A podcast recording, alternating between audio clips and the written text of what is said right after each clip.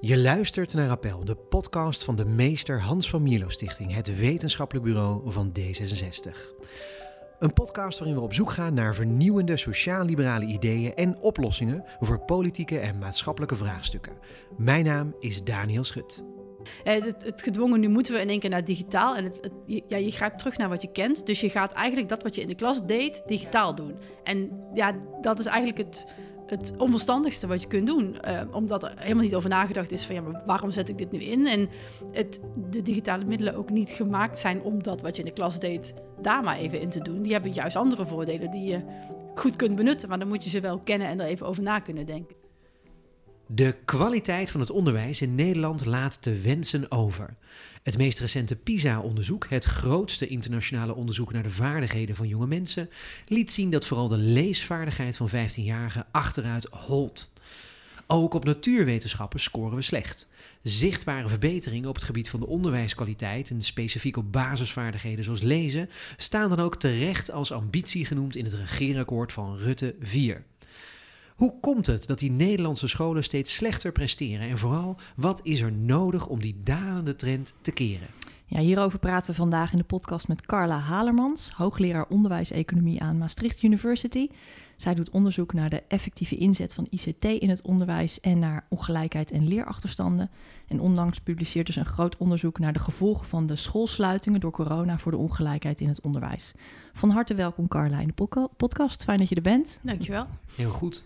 Hey, en om met je meest recente onderzoek te beginnen. Uh, jullie onderzoek laat zien dat basisscholen er ondanks twee schoolsluitingen toch in geslaagd zijn om een deel van de corona-achterstanden in te halen. Dat is toch best goed nieuws? Dat is zeker goed nieuws. Um, het is alleen jammer dat dit goede nieuws volgt op het eerdere wat minder goede nieuws. Dat zeker door die eerste schoolsluiting er uh, ja, flinke vertragingen waren opgelopen bij leerlingen.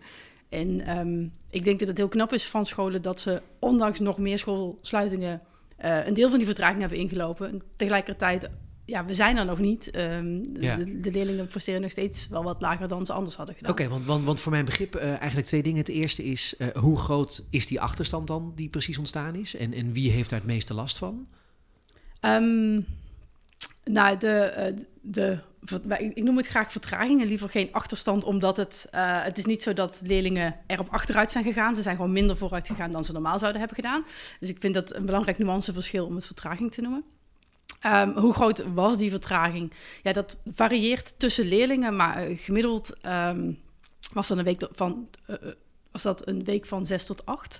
Uh, dus um, nou ja, eigenlijk redelijk gelijk met de duur van die eerste schoolsluiting. Maar niet voor alle leerlingen gelijk. en ik denk dat dat misschien nog wel belangrijker is. natuurlijk is het ook heel belangrijk dat er gemiddeld genomen vertraging is, maar de verschillen zijn echt heel erg groot. Dus leerlingen die kwetsbaarder zijn, die thuis hun um, nou ja, moeilijkere situatie hebben, of ouders hebben die lager opgeleid zijn, een lager inkomen, die in een groter gezin wonen, uh, of juist een gezin waar maar één ouder aanwezig is. Uh, daar zijn de vertragingen uh, tot twee keer groter dan leerlingen die um, nou ja, daar de, de positieve en, en even voor mijn begrip, als je zegt twee keer groter, dat, je hebt een sluiting gehad van zes weken. iemand die dus uit een kwetsbaar, kwetsbare achtergrond komt, die heeft dan die zes weken vertraging of heeft zelfs meer dan die zes weken vertraging opgelopen? Klopt, die heeft eigenlijk, um, nou ja, praktisch niks geleerd in die periode. Maar het is, eh, dat zien we ook vaak in de zomervakantie, eh, los van corona. Op het moment dat er een hele lange periode geen school is, dan zeker de leerlingen die thuis niet of veel minder gestimuleerd worden om te leren en te blijven ontwikkelen, die komen eigenlijk terug op een net iets lager niveau dan waar ze het onderwijs mee verlieten voor um, de zomervakantie. En dat is wat je hier eigenlijk ook ziet. Dus daar is toch een soort van achteruitgang wel? Um, nou ja, het is nog steeds een mindere vooruitgang. Ja. ja, ten opzichte van andere leerlingen. Precies, ja, en ten opzichte ja. van leerlingen die in dezelfde groepen zaten, maar een paar jaar eerder toen er geen corona was. Ja. Ja, en hoe, hoe, kijk je tegen die verschillen aan? Wat, wat, wat, wat, wat, hebben, jullie, wat hebben jullie daaruit afgeleid uh, in, dat, in jullie onderzoek?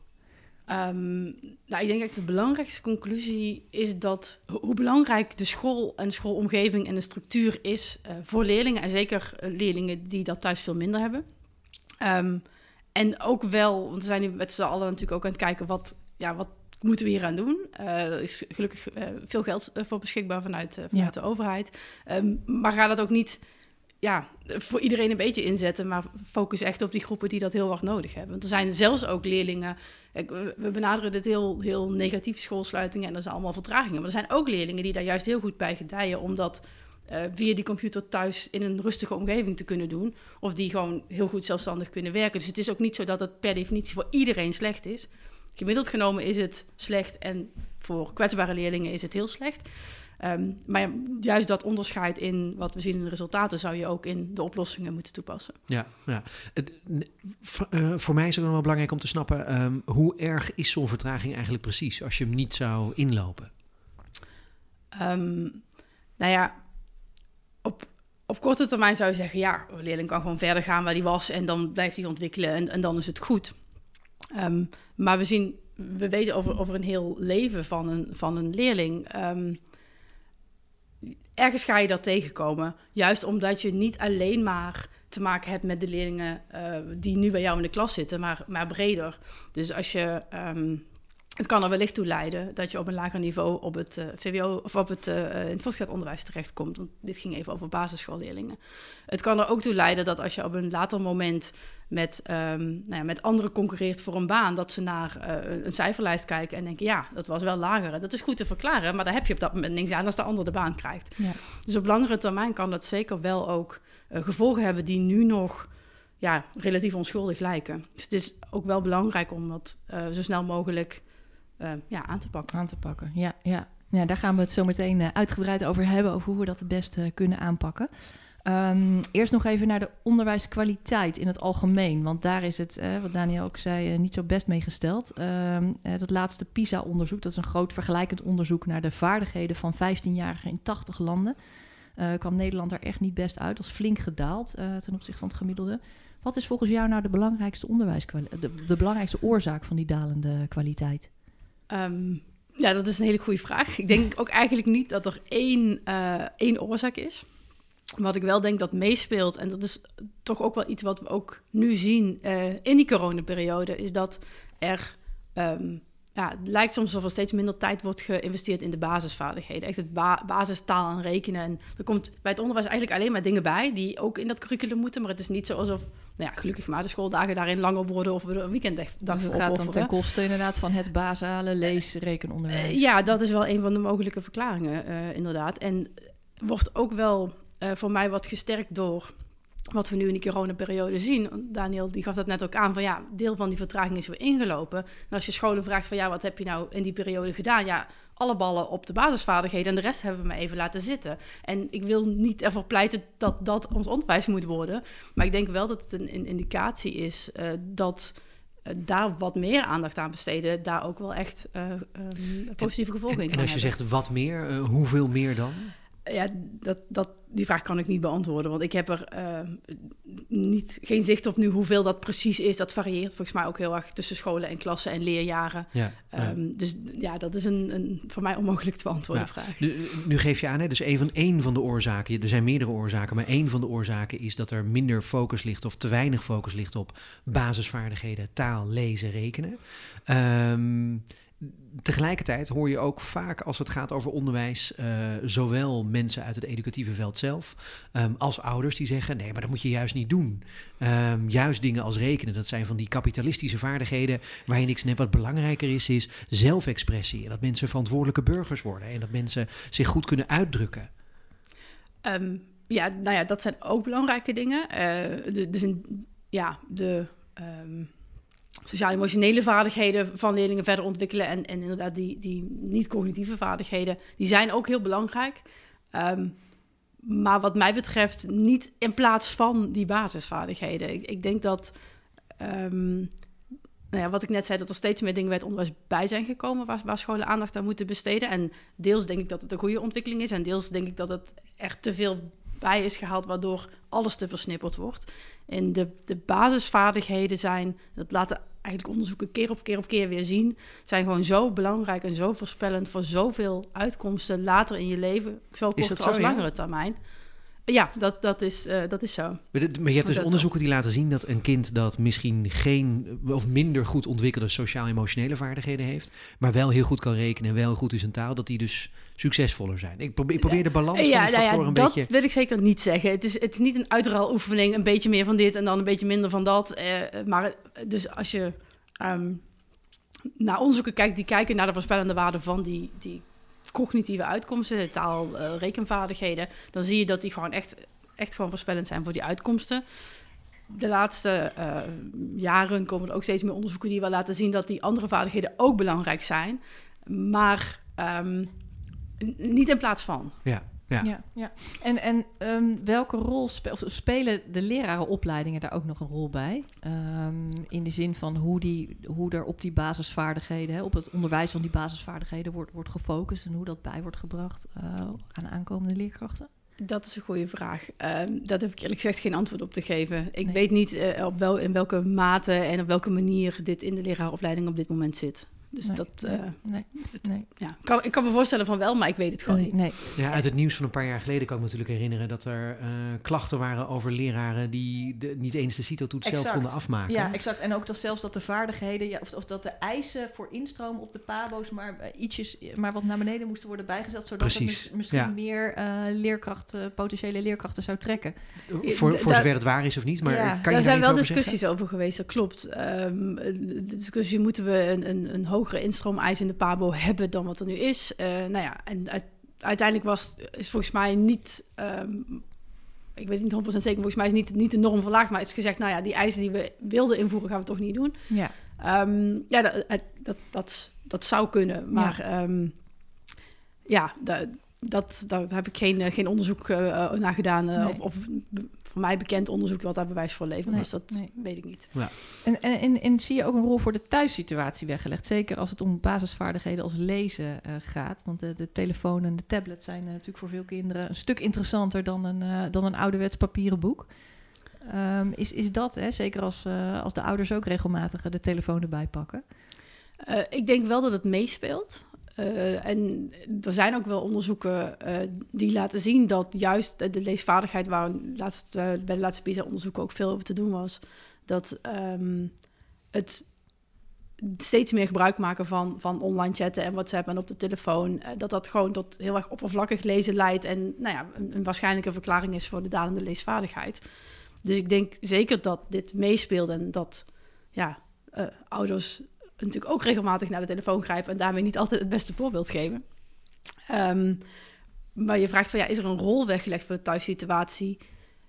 Dat vind ik een heel moeilijke, want moet de school dan tegen thuis gaan zeggen: ja, dit mag niet of we moeten dit op deze manier doen? Ik denk eerder dat als je daar iets mee wil, en ik moet eerlijk zeggen dat ik er nog steeds niet uit ben of ik het nou um, zou zeggen: ja, doe maar niet die digitale apparaten op school, of juist wel, maar gebruik ze dan op een goede manier. Mm -hmm. um, maar ik denk dat de school daar wel nog veel bewuster uh, mee bezig kan zijn. Van ja, wat, wat doen de, bijvoorbeeld de telefoons, uh, de, de, de, tablets, et cetera. En um, nou ja, op welke manier laten we ze inzetten door leerlingen en zetten we ze eigenlijk in als school en als docenten? Ja. Ja. Je, je had het over meerdere oorzaken die het hebben, die, die daar de onderwijskwaliteit kunnen, kunnen verklaren. Wat nog meer? Um, nou ja, dus uh, dit was een van de andere uh, ja. mogelijke oorzaken. Dus de, de vertechnologisering van de samenleving, zal ik het maar even noemen. Um, ja, zeker als je naar dat, uh, dat lezen kijkt, um, ook wel ja, dat, het, dat kinderen er eigenlijk vrij weinig aan vinden. Um, en dat zal. Ik, ik, je kunt die dingen niet zo scheiden. Volgens mij hangt het ook wel samen met uh, dat ze veel meer gebruik maken van, van apparaten. En Ja. dat ze uh, ja, toch veel liever uh, gamen dan dat ze met, met een boek op de bank kruipen.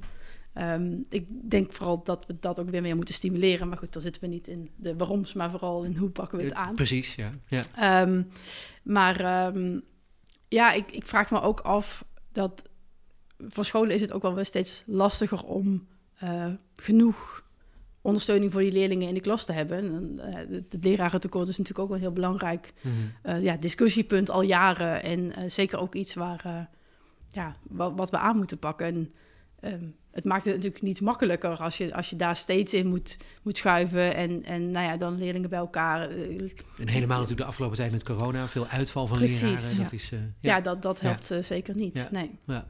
Methodiek speelt het ook nog een rol? Dat er tegenwoordig steeds meer wordt gefocust op informatievaardigheden. Dus dat leerlingen zelf dan uh, proberen dingen op te zoeken op internet. In plaats van dat ze eerst iets lezen of uitzoeken zelf?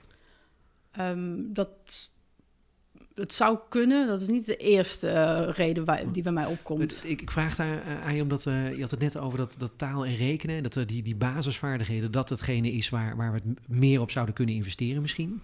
Eh, maar als ik denk aan rekenen, dan denk ik gelijk weer aan tafels uit mijn hoofd leren en zo. Gewoon met z'n allen drie keer drie Rijtjes is nee, stammen. rijtjes. Ja. Ja, Sommetjes inoefenen. Ja, met z'n ja. allen. dat nog steeds overigens hoor. is dat zo, ja? mijn Ja. dochter die zit in groep 4, die Oh, is nu met tafels Ja. bezig.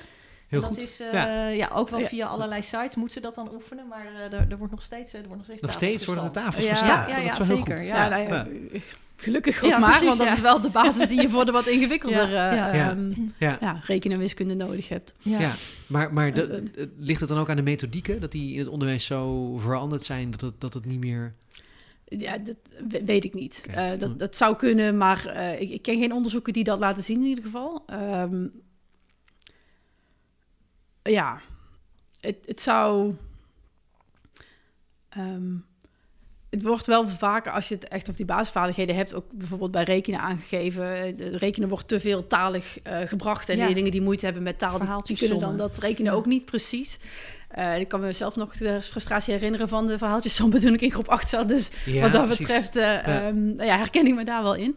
Maar ehm, eh, het, het, het rekenen, dat is nog steeds wel de, de. Dus eh, ja, het, het, het kan, het Ja. kan altijd bijdragen, het kan altijd een mogelijke verklaring zijn. Maar ik denk dat er andere zaken zijn die, die een belangrijkere reden, een rol hierin spelen. Ja, zoals dan? Nou ja, de dingen die ik net noemde, Ja. eh, dus eh, meer op die basisvaardigheden, toch vaak ook het goochelen met het, het rondkrijgen in het onderwijs. Ja, Ehm, nou, en en ehm, ja, de, de opkomst van, van technologie en, en dat, dat in positieve en in negatieve zin. Want nu klinkt het heel negatief. Ik denk dat het ook heel positief is. Maar ik denk dat we ook hele lange tijd niet goed geweten hebben hoe we dat moesten inzetten. Of we dat wel moesten doen of niet. En op welke manier. En ehm, nou ja, dat we daar ook eigenlijk misschien veel bewuster mee bezig zouden moeten zijn. Ja, laten, Ja. laten we dat dan uitpakken. Want als je andere grote onderzoeksterreinen, hè, IT in het onderwijs, eh, wat houdt dat precies in, je onderzoek? Ehm, nou ja, ik kijk eigenlijk in mijn onderzoek ehm, of en zo ja, op welke manier eh, IT-technologie eh, op een effectieve manier kan worden gebruikt eh, om leerlingen te ondersteunen, te, helpen zich te verbeteren. En leerlingen te ondersteunen, maar ook docenten te ondersteunen. Ehm, en nou ja, de, de afslag die ik nu recentelijk gemaakt heb, is ook wat, hoe kan een technologie al dan niet ingezet worden? Of wat is het effect van het gebruik van technologie ook op die ongelijkheid en die verschillen tussen leerlingen van verschillende Aha. achtergronden? D- dus met moderne IT in de klas inzetten, kunnen we de ongelijkheid die onder andere ontstaan is vanwege corona, die kunnen we bestrijden. Ehm, ja, maar, maar wel onder bepaalde voorwaarden. Dus eh, dit, dit is voor mij een heel interessant eh, onderzoeksgebied, juist omdat het eigenlijk helemaal niet per definitie aan de voorkant evident is wat technologie doet voor ongelijkheid. Ehm, want het hangt heel erg af van de manier waarop het gebruikt wordt. En het kan ook averechts werken als je, dat, als je daar niet goed over nadenkt. Ik denk dat dat ook wel de rode draad is, überhaupt door mijn technologieonderzoek. Ik denk dat het een geweldig middel is wat, wat heel veel bij kan dragen, maar dat het heel vaak eh, ja, te, te makkelijk wordt ingezet. Oké, we hebben nu technologie en nu is alles opgelost en de computer doet de rest. Maar Ja. het Ja. is echt een ondersteunend middel. En, en, en leg eens uit, wat moeten we ons nou concreet voorstellen bij effectieve ICT? En wanneer, wanneer werkt het nu effectief en wanneer niet? Ehm, nou ja, effectieve ICT, als je het hebt over wat, wat betekent dat? Hè? Dat het door het gebruik van technologie eh, aanvullend in de klas of thuis, dat leerlingen daar echt extra eh, ontwikkelstappen door zetten. Mhm. Dan is het effectief, dat je echt een, een effect ziet op de prestaties van leerlingen. Ehm, en wat betekent dat? Nou ja, vooral het allerbelangrijkste is om niet eh, de, wat ik net ook zei, technologie in te zetten, omdat je technologie wil inzetten. We hebben een computer, oké, vinkje, check, we hebben technologie ingezet. Ehm, maar als je vervolgens niks anders doet, of van een leerling vraagt om een tekst van vier pagina's op een computer te lezen, ja, dan hoef je daar niet per se onderzoek naar te doen om ook wel te kunnen voorspellen dat dat niet per se heel veel uitmaakt ten opzichte van een papier. Misschien zelfs averechts kan werken, omdat je op een scherm leest. He- Heb je voorbeelden Ja, dan? precies. Uh, wanneer het wel werkt. Ja. Ja. Ehm, wat, ehm, nou ja, er zijn een aantal voorwaarden aan de voorkant.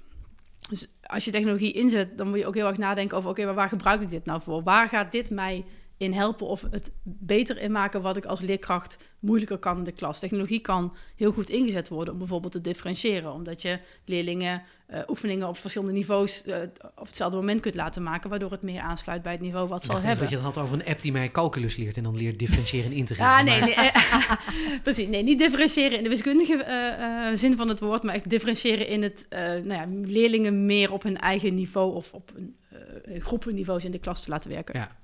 Um, waar het ook heel goed voor kan, uh, kan werken, is echt het, automatiseren van vaardigheden. Daar hadden we het net even over tafels uh, stampen of andere uh, ja, rekenen, ehm, ja, dingen leren. Daar kan het ook gewoon heel goed bij helpen. En wat misschien nog wel het belangrijkste is in al die dingen. Kijk,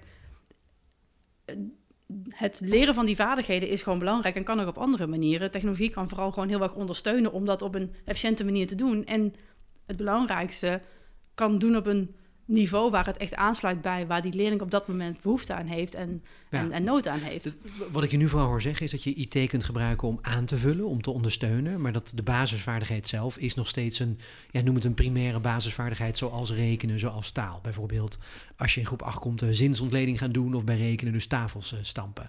Um, is er ook een sprake van IT in het basisonderwijs waarbij je kan zeggen dat je eigenlijk basisschoolkinderen zelf IT leert doen? Dus basisvaardigheden programmeren bijvoorbeeld of zo? Um, ja, da daar, daar gaat het. Uh, daar, daar, wordt, daar, daar is IT een ander, uh, ja, een ander middel, zeg maar. Um, maar dan nog, kijk, het, het gaat om iets aanleren. En uh, natuurlijk leer je programmeren niet met pen en papier. Dat deed je met, met een computer of met een apparaat. Maar um, het, principe daarachter is hetzelfde. Het is eigenlijk ook bij programmeren. Het is ook een ja, het is het, het principe snappen en, en de logica snappen, maar daarna is het ook weer een soort van automatiseren. Dus in die zin lijkt het heel erg op wat ik net zei, maar is de toepassing gewoon anders. Ja. Zijn er soorten taken, leertaken waarvan je zegt, of, of competenties waar, waar IT dus helemaal niet van toepassing is op de basisschool? Uh, nou ja, bijvoorbeeld dat uh, het tekstbegrip. Daar is eigenlijk uh, nou ja, keer op keer onderzoek wat, wat laat zien dat het aan de ene kant eigenwijs ingezet blijft worden, aan de andere kant gewoon, gewoon niks oplevert. En hoe wordt het dan? Hoe bedoel je dat? Hoe wordt, het, hoe wordt het eigenwijs ingezet? Nou ja, dat er is veel bewijs dat het voor tekstbegrip eigenlijk niks bijdraagt. Dus ja, dan zou voor mij het logische gevolg daarvan zijn... nou, dan zetten we de computer voor andere dingen in... en gaan we dit juist meer op de traditionele manier doen. Um, maar, en, en, dit sluit aan bij wat ik net ook zei... dat het soms gewoon, we zetten technologie in en dan, dan doen we dat... en dan hebben we dat, dat vinkje uh, afgetikt. Um, dat er niet goed genoeg over na wordt gedacht aan de voorkant. Waar gebruik ik het wel en niet voor en waarom. Want er zijn dus ook online lesprogramma's, hè, zoals ik denk eventjes aan die, aan die, aan die rekenmethodes. Dat wordt allemaal, uh, kunnen ze allemaal heel leuk online, kunnen ze tafels oefenen. Je hebt dus ook uh, online lesmethodes voor tekstbegrip. Maar waarvan jij eigenlijk zegt van ja, dat moet je gewoon ouderwets op papier doen. Ja, ja, er zijn volgens mij diverse. Kijk, die ontwikkelaars van die programma's of de. Um, uh, de uitgevers van boeken die daar ook digitale versies van maken. Ja, ik begrijp heel goed vanuit hun standpunt dat ze alles wat ze aanbieden ook digitaal aanbieden. Want dat is nu ja. aantrekkelijk en daar wordt om gevraagd. Uh, ik denk dat ja, als leerkracht vooral daar gewoon net wat meer over na moet denken. Wat zet ik daar wel en niet voor in? Um, en zeker bij tekstbegrip. Ja, het, is wat, vaak wat minder universeel. Er, schijnen, ik ben daar niet de grootste expert, maar er schijnen verschillende methoden te zijn om dat aan te leren. En um, de, de, ja, de digitale methode is vaak er eentje die net niet aansluit bij al die andere, wat voor kinderen ook heel veel verwarring kan veroorzaken. Ja, hoe moet ik het nou aanpakken? Plus dat, nou ja, uh, ik lees ook liever een, een, uh, een, stuk van een collega op papier dan dat ik het op mijn scherm lees. Dus het is ook gewoon een stukje concentratie en uh, kunnen focussen met het dat, scherm. Dat heeft dan te maken met de hardware eigenlijk, hè? Dat zo'n scherm, dat geeft licht en dat is vermoeiend voor je ogen. En daar... Ja, zeker. Ja, ja. Okay. Ik, ik, zit nog naar, over na te denken over het idee van tekstbegrip. Want hoe is dat dan misschien anders dan als, uh, laat ik het anders zeggen, bijvoorbeeld het CITO, uh, het eind, dat, zeg maar de, de, de eindoverhoring van de basisschool, dat is uiteindelijk gewoon meer keuze. Dan heb je allemaal puzzeltjes die je moet oplossen en dat is dan meer keuze. Daar komt mm -hmm. geen tekstbegrip komt daar aan te pas. Dus waarom is tekstbegrip dan zo belangrijk op een basisschool om dat goed te doen? Um, nou ja, tekstbegrip is een, een, heel belangrijke basis voor, voor taalvaardigheden. En um, ja, ook de, daar kom ik weer, ik zei het net ook al van, dat, heeft dat speelt een belangrijke rol in heel veel zaken die je later gewoon, ja. gewoon nodig hebt. Dus uh, ja, dat het Ik- wellicht ik- niet onmiddellijk op de toets terechtkomt, wil niet zeggen dat het niet belangrijk Ja, is. Je moet de CITO-vragen ook kunnen begrijpen. Hè? Ja, dat is Oké. waar. Nou ja, maar ik, zit, ik zit zelf ook terug, terug te denken aan mijn eigen eindexamen Nederlands ooit een keer. Dan moet je een essay interpreteren. Dan moet je dan ook je moet een essay schrijven over een onderwerp of zo. Ehm, maar uiteindelijk merkte ik wel dat de docenten destijds ook gewoon met een antwoordformulier, met een soort eh, met opties dan werkten. Dus dan moet je inderdaad, je moest tekstbegrip moest je tentoonspreiden bij de oefening zelf. Maar de manier waarop docenten dat dan eh, controleerden of, of examineerden, dat vergde weinig echt tekstbegrip of weinig reflectie op dat tekstbegrip ook. Dat was weer gewoon een antwoordvel afstrepen. Dit doen ze, dit doen ze, dit doen ze.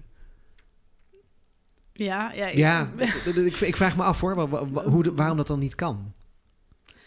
Wa- waarom het niet digitaal goed aangeleerd kan ja. worden, bedoel je?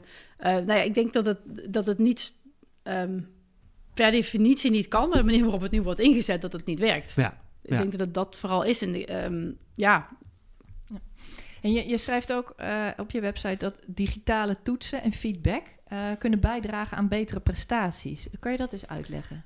Ehm jazeker. Eh, maar ook hier is de. het, gaat, het, het gaat niet om het digitale. Het gaat echt om herhaalde toetsen, eh, ehm, formatieve toetsen, waardoor zowel die leerling als ook leerkracht inzicht krijgt in nou ja, waar zitten nog lacunes, waar. Wat zijn formatieve toetsen? eh, formatieve toetsen zijn, zijn toetsen die, die niet worden ingezet om een cijfer voor te krijgen voor een beoordeling, maar die echt worden ingezet om ehm, ja, kennis te krijgen over het ontwikkelingsproces. Die worden vaak ook reg- in, in regelmatige ehm, eh, frequentie worden die ingezet. Zodat ehm, ja, aan de ene kant is het een uitdaging om ja, te oefenen. Want je bent bezig met oké, wat, wat moet ik eigenlijk kennen en hoe, hoe sta ik ervoor? Eh, en aan de andere kant geeft het ook gewoon wel inzicht van, nou ja, waar, waar zou ik misschien een extra les nog aan moeten, eh, moeten besteden? Ja, Of als ja. leerling zelf. ehm, eh, en dan daar ook wel bijvoorbeeld link met technologie. Ik heb mijn online oefensysteem. nou ja, dit ging niet zo goed op die formatieve toets. Misschien moet ik daar nog wat extra oefeningetjes mee Ja, maken. ja. En dat geldt, wel ja, feedback hetzelfde. Er is heel veel onderzoek wat laat zien dat, dat feedback gewoon heel effectief kan zijn.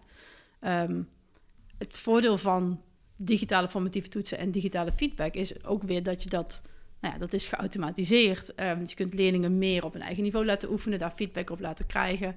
Eh, de toetsen kun je zelfs een niveau afstemmen. Dus, eh, en je kunt, dat, tegenwoordig is er zo'n geavanceerde software die die feedback helemaal gepersonaliseerd op een zeer nuttige manier eh, ja, samenstelt op basis van het antwoord wat er gegeven wordt. Dus Ja, dat meer Het gekoppeld geeft gewoon- is aan die toets of zo. Dat het automatisch... Ja, dat de leer... Dat, dat scheelt ook tijd voor de leerkracht waarschijnlijk. Precies, Dat eh, ja, daar ja. zit ehm, eigenlijk de, de mogelijke denkfouten bij een bepaald antwoord die je gemaakt kunt hebben bij, als je een bepaald antwoord geeft wat dan niet klopt. Mhm. Ehm, nou ja, de, de software is tegenwoordig zo geavanceerd dat die ook wel dat ehm, nou ja, eruit kan pikken en kan zeggen, nou ja, als je nou dit dacht en zo tot het antwoord bent gekomen, ja, dat klopt niet, want hier en hier zit jouw denkfout. Maar als je op die manier dacht, dus, dus ook op eh, nou ja, verschillende manieren feedback geven, die, waarvan we op een gegeven moment eerst dachten van ja, dat is echt alleen voor de leerkracht weggelegd. Ja. Dus het maakt het gewoon makkelijker. Ja, ja, ja, oké. Dus het kan, het kan inderdaad de, de, eh, eh, op een goede manier ingezet, kan, kan ICT ook een deel van die werkdruk eh, wegnemen bij de leerkracht. Hè? Dat, dat kan heel mak het maakt makkelijk om te differentiëren. De klassen worden natuurlijk steeds groter, leer, leerkrachten vallen uit, dus sowieso een tekort.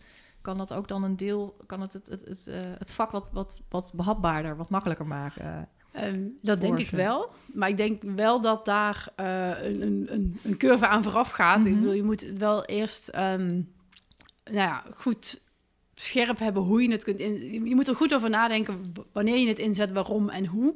Ehm, maar als dat, ja, als je dat in de vingers hebt, zeg maar, en ook eh, dat onderscheid voor jezelf kunt maken, hoe, hoe zet ik het in in de klas, wanneer doe ik het wel, wanneer doe ik het niet, dan, dan zou het ook die leerkracht moeten kunnen on- eh, ontlasten. Zeker, Mhm, ja. mhm.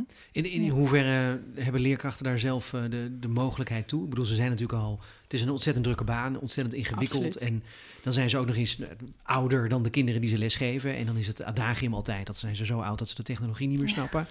In hoeverre kunnen leerkrachten dit aan? ja. Ik overdrijf het wat hoor. Eh, maar, zeker. Nee, maar, maar het, is, het is wel een terechte vraag. Eh, ik denk eigenlijk dat leerkrachten dit zeker aan kunnen. Ehm, ik ben het heel met je eens dat er gewoon heel veel van hun gevraagd wordt op dit moment. Dus het, het, vraagt echt een investering vanuit een persoon, maar ook zeker vanuit een, een school of een bestuur om, ehm, nou ja, om, die, om die omslag te maken. Eh, ik denk ook zeker niet wat we de afgelopen tijd eigenlijk gedaan hebben, een soort van, van zelfsprekend aannemen dat iedereen dit onmiddellijk op de meest eff- effectieve manier kan inzetten. Ehm, ja, dat, dat, dat is denk ik niet een goede aanname geweest. Dus ik denk dat we ons daar gewoon heel bewust van moeten zijn dat het, ja, dat het training vraagt, dat het tijd vraagt om ehm, zelf die technologie goed in de vingers te krijgen, zodat je hem op de meest effectieve manier kunt inzetten. En nou ja, ik, ik snap ook wel als het eigenlijk een soort van over de schutting wordt gegooid, hier ga dit maar gebruiken, dat het ook tegen kan gaan staan.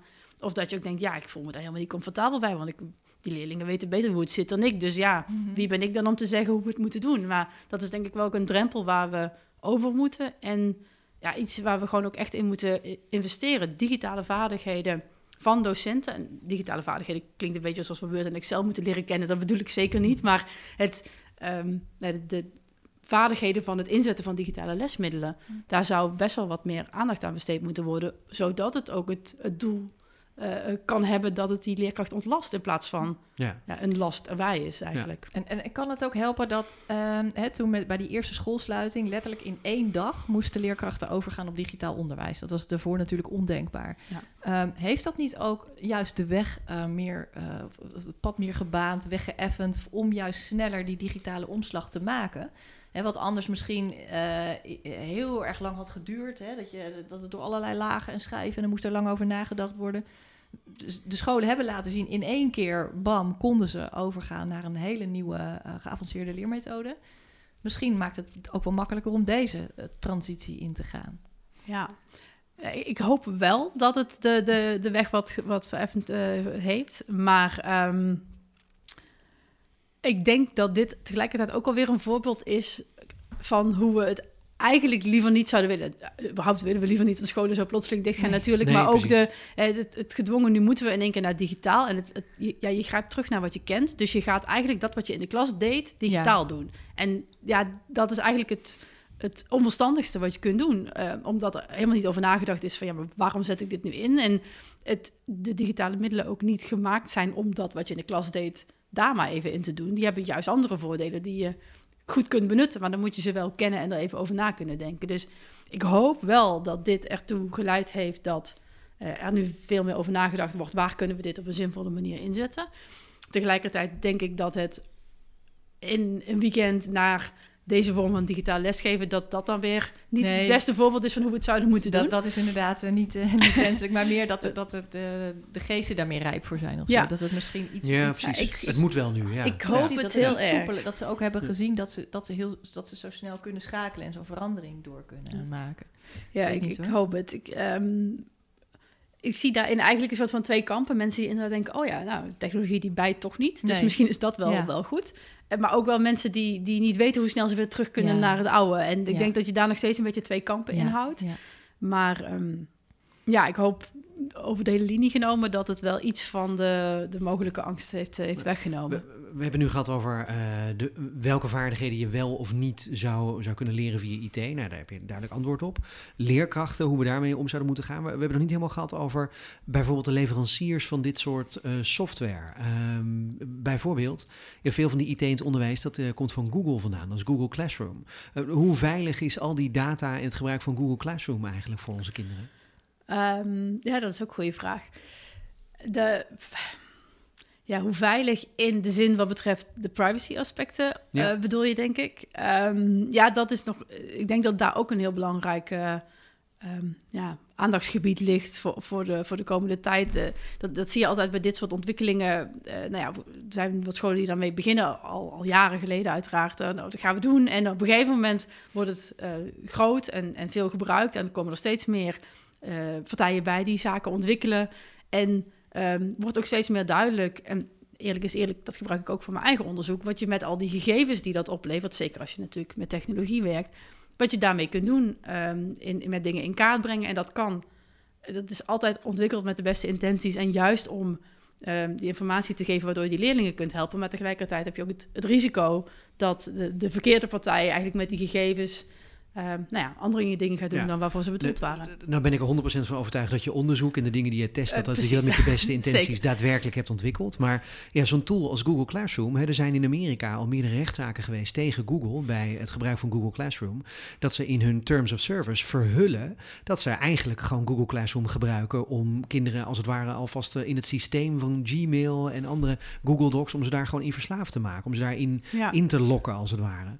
Ja, ik denk ook dat het eh, heel belangrijk is om heel goed eh, een bewuste keuze te maken in wat je wel en niet gebruikt en waarom. Ja, Eh, en, maar, maar tegelijkertijd denk ik ook wel dat er nog wat uitdaging ligt om ook dan de dingen die het onderwijsveld zoekt en nodig heeft ook zo te ontwikkelen. Want daar is Google natuurlijk heel goed in.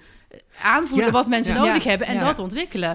Ja. Dus daar, ik, ik denk dat we vanuit, eh, vanuit de overheid dat ook, eh, ja, dat dat ook wat meer misschien gestuurd of gereguleerd moet, mag worden. Van, kijk, nu wordt daar ontwikkeld vanuit eh, de marktgedachte door bedrijven die, die daar wat aan bij kunnen En dragen. je hebt geen keuze misschien ook wel, hè, als school. Je hebt geen opties. Ja, je kunt kiezen tussen Microsoft, Nou ja. Metaverse of eh, Google. En dan, dan ben je er wel eens een beetje klaar. Ja. Ja, je hebt in de digitale leermiddelen toch best wel veel opties. Acht. Ja. Dus ja, ja, en Kijk. ik ga zeker niet zeggen dat ze allemaal even goed zijn. Het varieert gewoon heel erg, maar er zijn best wel wat opties. Wat ik ehm, nu door de coronacrisis werd er natuurlijk eh, ja, gekozen voor, voor bepaalde methoden waardoor je eigenlijk je lesgeven digitaal kon doen wat je normaal in de klas deed. Ja, Ehm, maar als je kijkt naar, naar eh, eh, het maken van digitale oefeningen, zijn er eigenlijk heel veel, veel aanbieders. Maar wat, eh, en dat komt, valt ook weer terug op het nadenken over waar gebruik je het voor en wat gebruik je dan. Het is, vaak wordt iets te makkelijk gezegd, oh we pakken wel gewoon de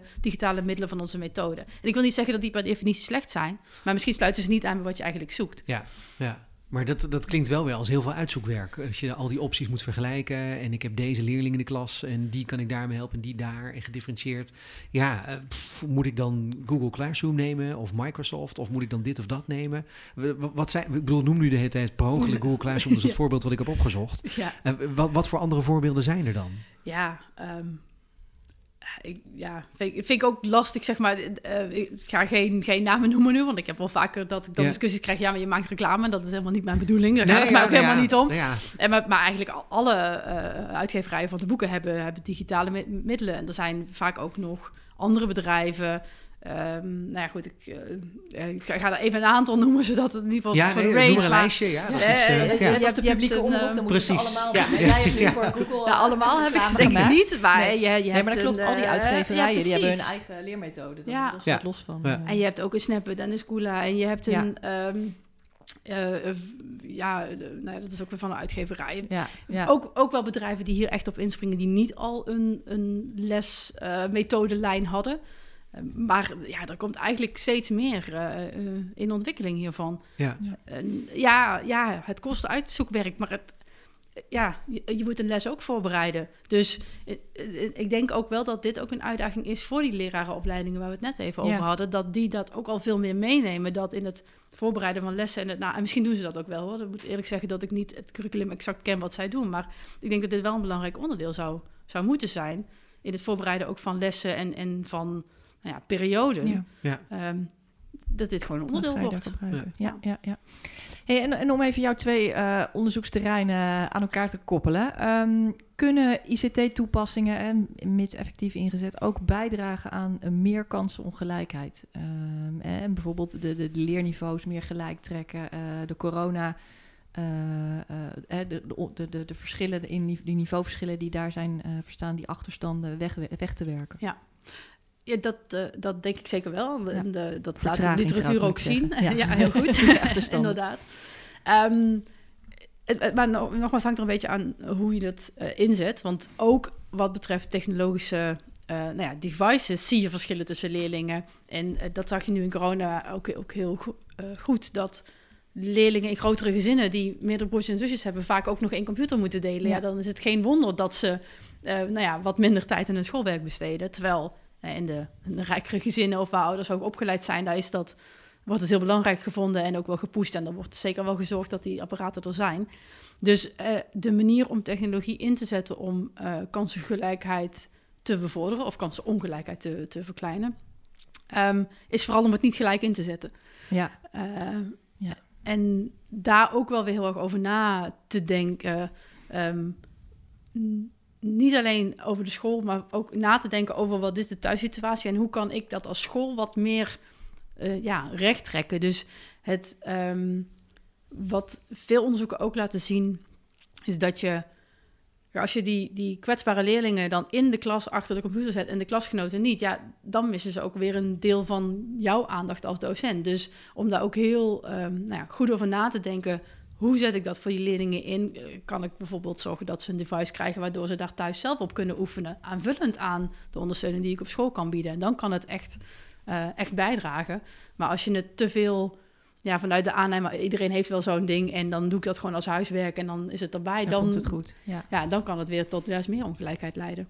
Dus ook hier geldt weer er goed over nadenken. Maar het vraagt ook weer veel, veel werk van de leerkrachten van de school zelf. En ook kan ik me voorstellen dat een leerkracht het misschien wel eens ongemakkelijk zou kunnen vinden. Je hebt een klas met allemaal verschillende kinderen en één kind, dan weet je van, ja, die heeft een moeilijke thuissituatie.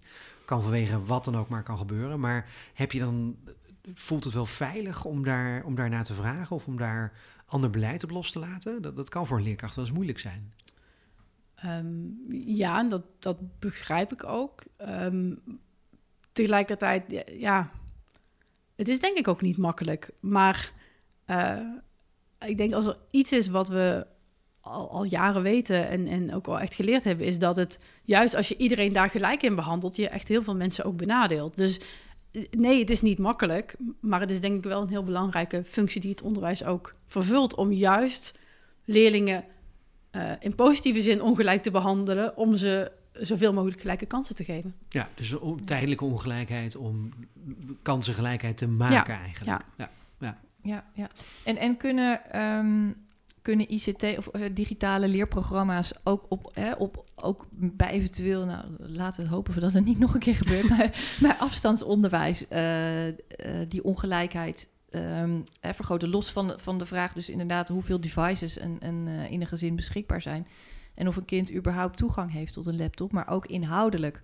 Um, dat er in die leerprogramma's iets zit om, om dus die, die, die, die ongelijkheid te verminderen.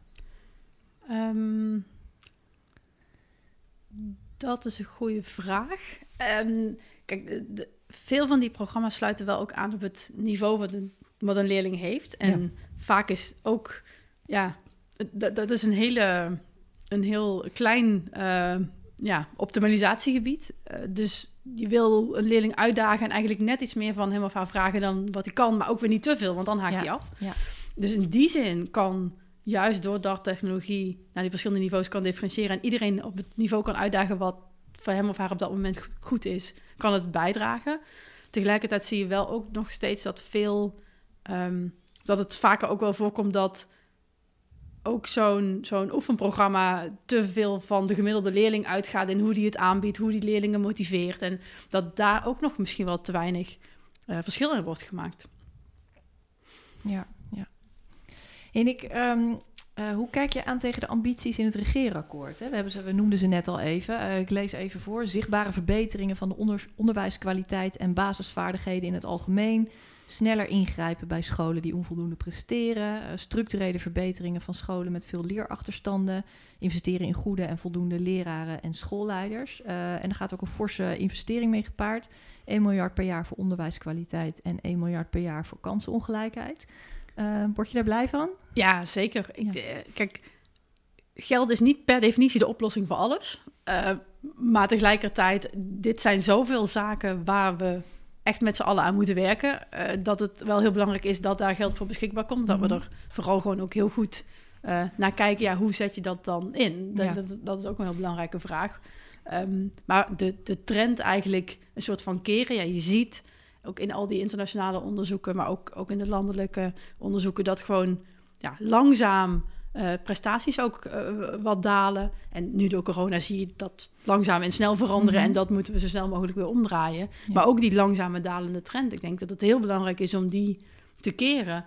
En um, zijn ja. die ambities daar, zijn die, zijn die scherp genoeg? Mis je nog iets? Zeg je van nou, ik had het nog wel fijn gevonden als er uh, hier meer focus op was gelegd? Nee, ik ben eigenlijk wel heel blij met de ambities die daar nu in staan. ik denk echt de, ja, de leraren uh, versterken en, en meer en beter. En uh, echt de focus op scholen met veel kwetsbare kinderen de, richten op die ongelijkheid.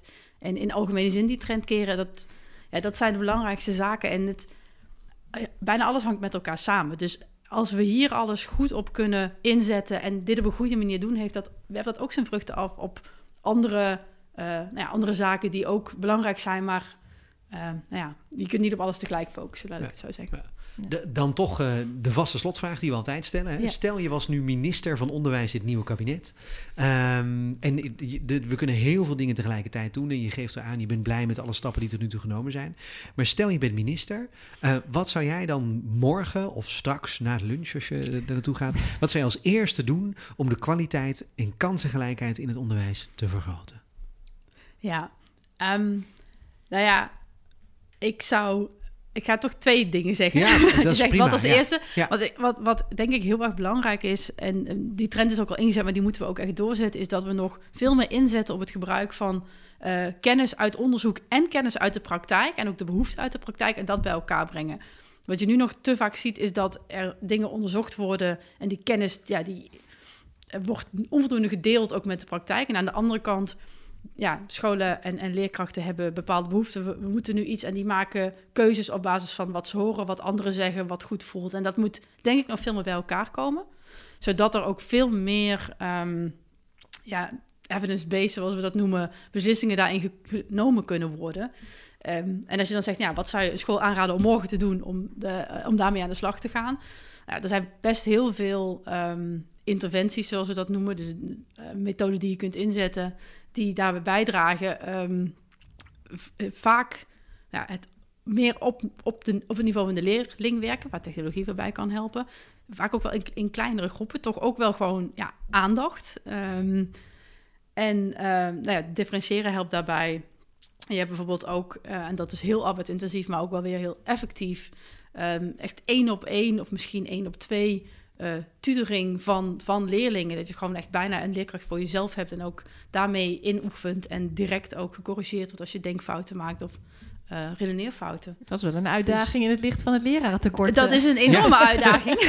Trek jij even dus, een paar blikken leerkrachten open. Uh, ja, dit is ook wel een van de grootste uitdagingen van het geld wat nu beschikbaar is. Uh, die NPO-middelen die ja. beschikbaar zijn om, om die uh, vertragingen weer terug te dringen er is heel veel geld, maar ja, inderdaad, wat trek je het, Niet het blik uh, ja. leerkrachten vandaan uh, om, om de dingen die, waarvan we echt weten dat ze werken, die ja. scholen ook graag willen doen. Maar ja, daar heb je wel die mensen voor nodig. En uh, zeker nu corona toch iets langer duurt dan we denk ik met z'n allen hadden gehoopt en verwacht. Ja. Uh, is het nog een groter probleem. Om, omdat er ook bij de bosjes mensen uitvallen omdat ze zelf ziek zijn of in quarantaine ja. moeten. Ja, geld die... is niet genoeg dus. Nee, alleen geld is niet nee, genoeg. Nee. Um, het is wel een, een, belangrijke eerste stap. Het is wel ook Tuurlijk. nodig. Ja. Maar uh, ik denk dat het, uh, het lerarentekort echt een grote olifant in de kamer is waar uh, ja, Helder. Ja. het geld voor nodig is. Ja. Ja. Ja. Ja. ja. Dankjewel. Um, ja, heel erg bedankt voor je komst, uh, Carla. Fijn dat je er was. En jij luisteraar, dank dat je luisterde. Vergeet niet je te abonneren op deze podcast als je dat nog niet gedaan hebt. Dan mis je geen aflevering meer. En over een paar weken zijn we er weer en dan gaan we het hebben over huisvesting en hoe het tekort aan woningen op een rechtvaardige manier kan worden opgelost. Tot dan!